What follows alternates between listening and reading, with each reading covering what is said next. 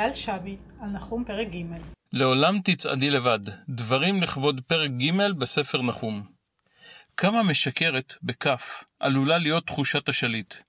כאשר אתה נמצא בפסגת ההר, לבד, גבוה מעל כולם, מסתכל מטה ורואה דמויות זערוריות, כמעט אינך יכול שלא להתמלא גאווה על עוצמתך, שהביאה אותך למקום הרם והנישא. ואמרת בלבבך, כוחי ועוצם ידי עשה לי את החיל הזה, כמו שנאמר בספר דברים. איה מעון אריות, ומרעהו לכפירים, אשר הלך אריה לביא שם, גור אריה ואין מחריד. בפרק ב' מתאר נחום את ננבה כמעון אריות, כה מורם מעם, כה בלתי מושג, עד כי גם כאשר יצאו ממנו האריות כדי להביא טרף, אף אויב אינו מעז לנצל את המצב כדי לטרוף את הגורים הפגיעים שנותרו בביתם. אך בפרק ג' מתהפך גורלה של ננבה.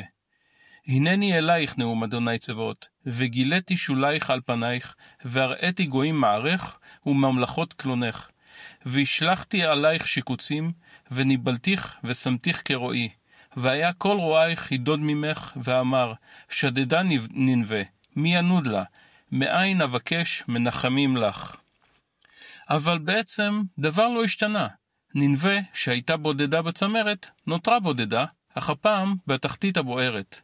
מנחמים לננבה אין בה נמצא, מכיוון שכולם עסוקים ככל הנראה בשמחה לאיד. אם תקפיד על בניית יראה מפניך, אם תתעקש להיות לבד בצמרת, אם לא תאפשר לזולת להיות בסמוך אליך כשאתה למעלה, אל תתפלא שכאשר תגיע למטה, תהיה שוב לבד.